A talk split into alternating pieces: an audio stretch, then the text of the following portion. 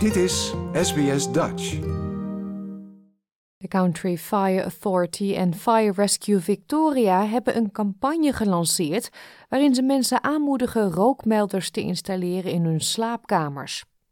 Uit cijfers blijkt dat momenteel slechts 17% van de Victorianen rookmelders in hun slaapkamers heeft. En dat terwijl rookmelders het verschil kunnen zijn tussen leven en dood.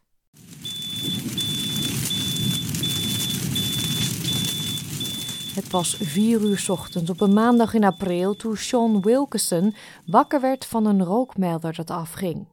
Er was brand op zijn buitenterras. Het vuur sloeg al snel over naar de keuken en zette via de muur het dak van zijn huis in Belgrave Heights in Victoria's Yarra Ranges in lichter laaien. Sean zegt dat ongeveer 30% van het huis werd verwoest. It's a very frightening experience. So I ran down the house, and when I first saw the fire through the doorway, um, you have all these thoughts: what can I do? Can I put the fire out? Um, and very quickly, I realised that it was out of control. There's nothing I could do.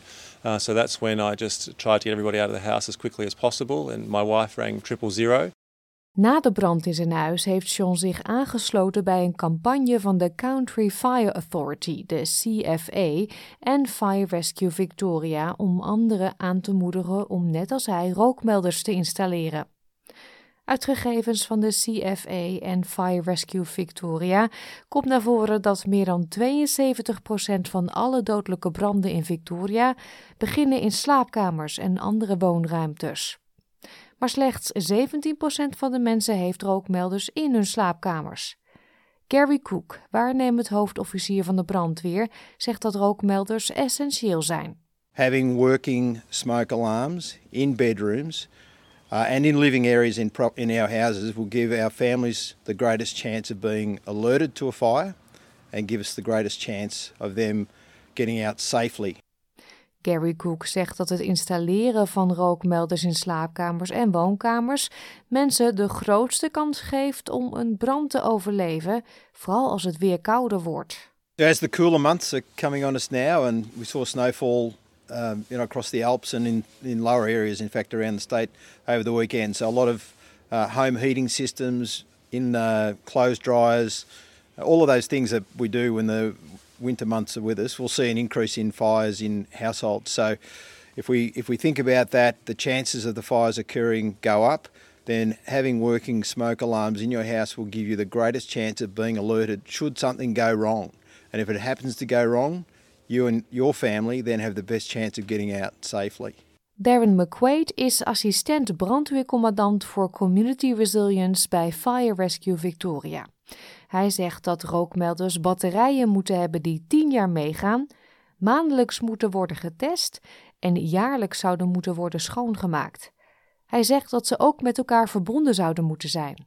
The other message today is that everyone should have interconnected smoke alarms so that when one smoke alarm operates, they all operate.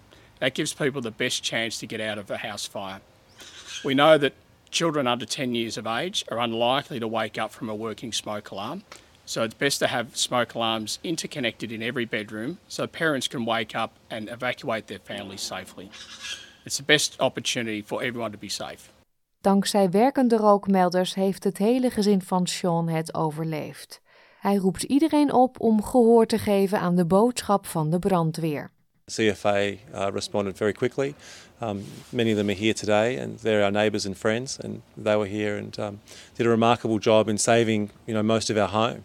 So three or four minutes longer, if I had hesitated, or if you know they were further away, or responded more slowly, we would have lost the entire home. But uh, the combination of the smoke alarms and their quick response and professionalism has saved our home um, and potentially, you know, our lives. Dit was een verhaal van Sophia Tariq voor SBS Nieuws, in het Nederlands vertaald door SBS Dutch.